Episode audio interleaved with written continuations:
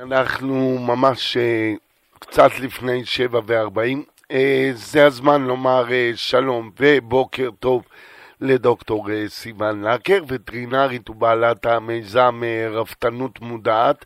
סיוון, בוקר טוב. בוקר טוב. מה שלומך? ברוך השם. יופי, אז הבוקר אנחנו הולכים לדבר על התנהגות אמהית של פרות לקראת ההמלטה ותכנון את ההמלטה, נכון? נכון. אז זהו. אז מה החשיבות בהבנת ההתנהגות של הפרות לקראת ההמלטה ומתן טיפול מתאים עבורם?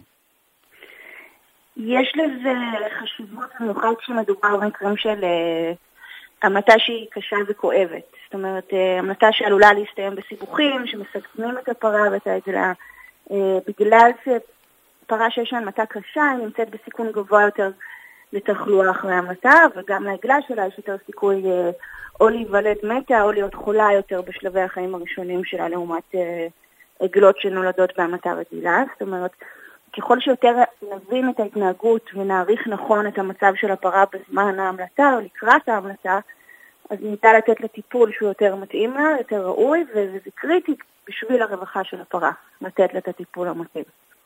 ואיך זה קשור גם לתכנון מתאים של תא המלטה? כי ברגע שאנחנו יוצרים סביבה שהיא מתאימה לפרה בזמן ההמלטה, זה, זה דבר שמאוד חשוב. זאת אומרת, הפרה עוברת כל מיני שינויים הורמונליים והתנהגותיים התנהגותיים סביב ההמלטה. והבנה של ההתנהגות האימהית הטבעית, הזיהוי של ההתנהגויות של הפרה לקראת ובזמן ההמלטה, יכולה ממש אה, לעזור לרפתנים לתכנן את האזור ההמלטה בצורה שהיא מתאימה לפרה, והמבנה של תא המלטה יכול בעצם לעזור לצרכים הייחודיים שיש לה לקראת ההמלטה. כאילו פשוט להתאים את עצמנו להתנהגות שלה. אמ, אוקיי. אה, דיברת אפרופו שינויים התנהגותיים, איזה, איזה מהם יש לפרות לפני המלטה? אה, שינויים התנהגותיים לפני המלטה, אפשר לחלק את זה בעצם לכמה חלקים. יש אה, שלושה שלבים של שינוי התנהגות לקראת המלטה. הראשון קורה בערך אה, כשמונה שעות לפני המלטה. שאז בעצם אנחנו מתחילים לראות התנהגות של... אה, הפרה מתחילה לחפש אזור שהוא מבודד ושקט מהקבוצה. כאילו, ממש מחפש אזור שהיא יכולה להמליט בו. והרעיון שעומד מאחורי ההתנהגות הזאת זה באמת סוג של אה, חיפוש של מחסה כהגנה מטורפים, וזה גם מסייע בחיזוק של הקשר של הפרה ועגלה, בלי שפרות אחרות יפריעו, כאילו למהלך, למהלך של ההמלטה. וגם בערך שמונה שעות לפני ההמלטה אתה אפשר להבחין ב... בירידה בהתנהגות של האכילה והשתייה של הפרה. נגיד פרה ביום ההמלטה היא אוכלת בערך 30% פחות בהשוואה לימים הקודמים שלה. זה קורה שמונה שעות לפני. כן. Okay. קרוב יותר להמלטה בערך אה, ארבע עד שש שעות לפני המתינת אפשר להבחין בעלייה בשינויים של התנוחה מרביצה לעמידה. זאת אומרת, היא ממש מכפילה את השינוי הרביצה שלה פי שתיים לפני ההמלטה. וגם נבחין בהתנהגות של הרמה של הזנב, בירידה בזמנים של העלת גרה. ובסוף בסוף, שלוש שעות לפני ההמלטה אפשר כבר אה, נראה התנהגות של שכיבה על הצד, והיא מתחילה להריח ולקק את האדמה, לסובב את הראש שלה לכיוון הבטן, כי כואב לה יותר. אז ממש אפשר אה, לפי השעות להבחין בכל מיני שינויים התנהגותיים. כן, זה די מדהים אה, שכמעט את זה עכשיו לשעות, את כל התופעות שאנחנו רואים ביום נכון. יום. ברפת. ואז אתה יכול לדעת גם עד כמה אתה, אתה קרוב להמלטה, לפי ההתנהגויות השונות. כן, כן, אבל אה, יש גם דרכים לדעת את זה. דיברנו על אה, תכנון תא המלטה, אז את uh, יכולה לתת כמה המלצות לגבי uh, מה חשוב שיהיה בתא המלטה? כן, התכנון הוא מאוד מאוד חשוב. אז בעצם צריך להתייחס לכל ההתנהגויות שדיברתי עליהן עכשיו, ולפי זה לחשוב מה הכי מתאים. זאת אומרת, um, דיברנו על ההתנהגות הזאת של החיפוש של המקום המבודד. אז תא המלטה צריך לאפשר לפרה לבטא את ההתנהגויות הטבעיות. זאת אומרת, את השלב של החיפוש של המקום מבודד והשקט, אז אני רוצה למקם את התא של התא המלטה במקום שהוא, שהוא שקט יחסית, שהוא מרוחק משבילים שמרועשים, אה, שבילים שיש בהם המולה של אנשי צוות.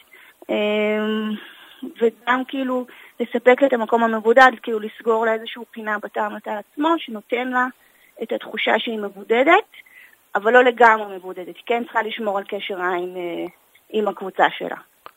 כן קשר עין, זאת אומרת לא לסגור אותו באיזשהו, בוא נגיד, בד? כן, אה... כן. אתה רוצה לסגור, אבל אתה רוצה ליצור איזושהי אה, פינה. אתה לא רוצה לסגור תא לחלוטין שהיא לא יכולה לראות את החברות שלה לקבוצה, כי כן, כן חשוב לה אה, להיות במקום מבודד, אבל לא לגמרי מבודד. אוקיי, וכמה חשוב שיהיה בתא עצמו אה, גישה לפרה למים ואוכל? כמובן שזה מאוד חשוב, במיוחד אחרי המתה הפרות אה, אה, רוצות אה, לשתות אה, ולאכול. אה, אז גם זה חשוב שזה יהיה, וגם עוד דבר, זה בעצם חשוב שהתא המלטה יהיה מרופד ונוח, כי כמו שאמרנו, ההתנהגות שלה, שהיא מתחילה לרבוץ ולעמוד הרבה פעמים, אז, אז חשוב שהאזור יהיה נוח ומרופד, וכי ממש יש מחקרים שמראים שפרות מעדיפות חצר אה, מרופדת בחול וקש לעומת חצר עם וגם הגודל של התא המלטה אה, צריך לאפשר לה את ההתנהגות של החיפוש ואת החוסר שקט שנמצאת בו, כי אם התא הוא קטן מדי, היא לא יכולה ממש אה, לזוז בו יותר מדי. כן. עכשיו, חוץ ממה שאמרנו על אוכל ומים, גם מאוד חשוב לשמור על, ה, על ההיגיינה בתא המתה. זאת אומרת, אני רוצה למנוע תחלואה של האם והעגלה, אז אני, אני לא רוצה שהיא תהיה בסביבה שהיא רטובה ומלוכלכת, אז כמובן שאפשר לעשות את זה על ידי ניקוי והחלפה של הרפד בתדירות גבוהה, אבל אם באמת מתכננים מראש נכון תא המלטה, אז אפשר כאילו באזור של הרצפה של התא המלטה ממש ליצור ניקוז בחצר כדי למנוע את ההצטברות הזאת של הנוזלים, ואז כאילו כל הסביבה נשארת יבשה יותר לאורך הזמן. כן. אה, ודבר אחרון, אני רוצה מאוד אה, למנוע סטרסורים חברתיים אה, מהחברות שלה בקבוצה לקראת ההמלטה. זאת אומרת, באמת יש, במיוחד שהקבוצה צפופה, אז יש יותר התנהגויות אגוניסטיות מצד פרות אחרות, שהן יכולות להציק לפרות שהן ממליטות. או, או שכניסה של פרות חדשות לקבוצה, אז כל פעם יש כזה קצת חוסר שקט בקבוצה. אז אפשר ליצור בחצר של הממליטות איזשהו אה, גידור פנימי, שבו יש רק את הפרות שממש לקראת ההמלטה. אז זה גם מוריד את הצפיפות וזה גם יוצר להרכב קבוצה שהיא קבועה, ושם נמקם את ההמלטה, ואז יכול לבחור להיות במקום שקט בלי שיציקו לה פרות אחרות. כן, תגידי, אה, שאלה אחרונה בנושא הזה של התא המלטה, מה לגבי אה, אור בזמן ההמלטה של הפרה בלילה? אמ, עדיף שזה לא יהיה איזה פרוז'קטור שהוא חזק ומכוון ישירות לפנים שלה, כי הן באמת מחפשות שהוא קצת, מקום שהוא קצת יותר אה, חשוך. אה, אבל אנחנו מבחינת הבטיחות גם של, של הצוות שבא לעזור לפרה או לראות איך הרגלה נמצאת ושיהיה נוח, אז, אז אנחנו כן צריכים שתהיה תאורה כמו שצריך. אז שיהיה שם אור, אבל הוא לא חייב להיות דולק אם אנחנו לא שם. אוקיי, אה, דוקטור סיוון לקר, וטרינרית ובעלת המיזם רפתנות מודעת. תודה רבה ששוחחת איתנו, בוקר טוב. בוקר טוב, להתראות. ביי ביי. ביי.